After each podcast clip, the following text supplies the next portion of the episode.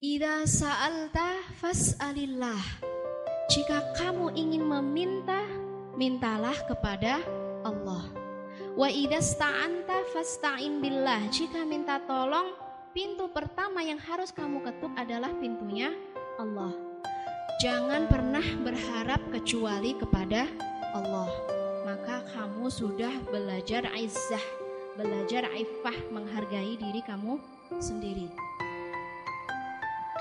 Karena yang namanya rejeki, kalau memang itu rejeki kamu nggak bakal dicuri orang, nggak bakal dimakan orang, nggak bakal ketuker ya. Kalau memang itu jodoh kamu, nggak bakal dia keambil orang.